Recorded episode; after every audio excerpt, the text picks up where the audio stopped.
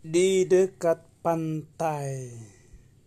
Paulus dan Silas sedang dalam perjalanan pulang ke Yerusalem. Lukas, dokter itu, turut bersama mereka. Mereka berlayar di lautan biru. Sesaat kemudian kapal itu berhenti di dekat Efesus.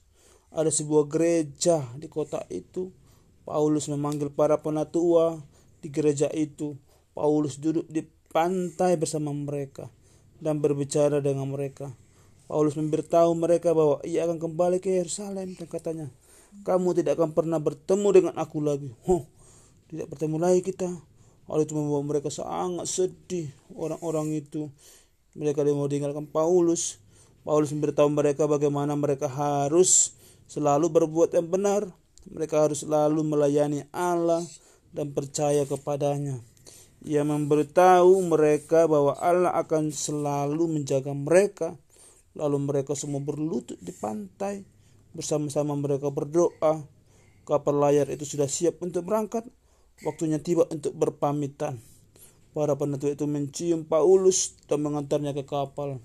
Di mereka naik ke kapal. Segera angin membawa kapal layar itu pergi. Bawa kapal itu pergi. Para penentu melambaikan selamat jalan Paulus. Mereka mengawasi hingga mereka tidak dapat milik kapal itu lagi. Mereka terus memandang-mandang dari jauh.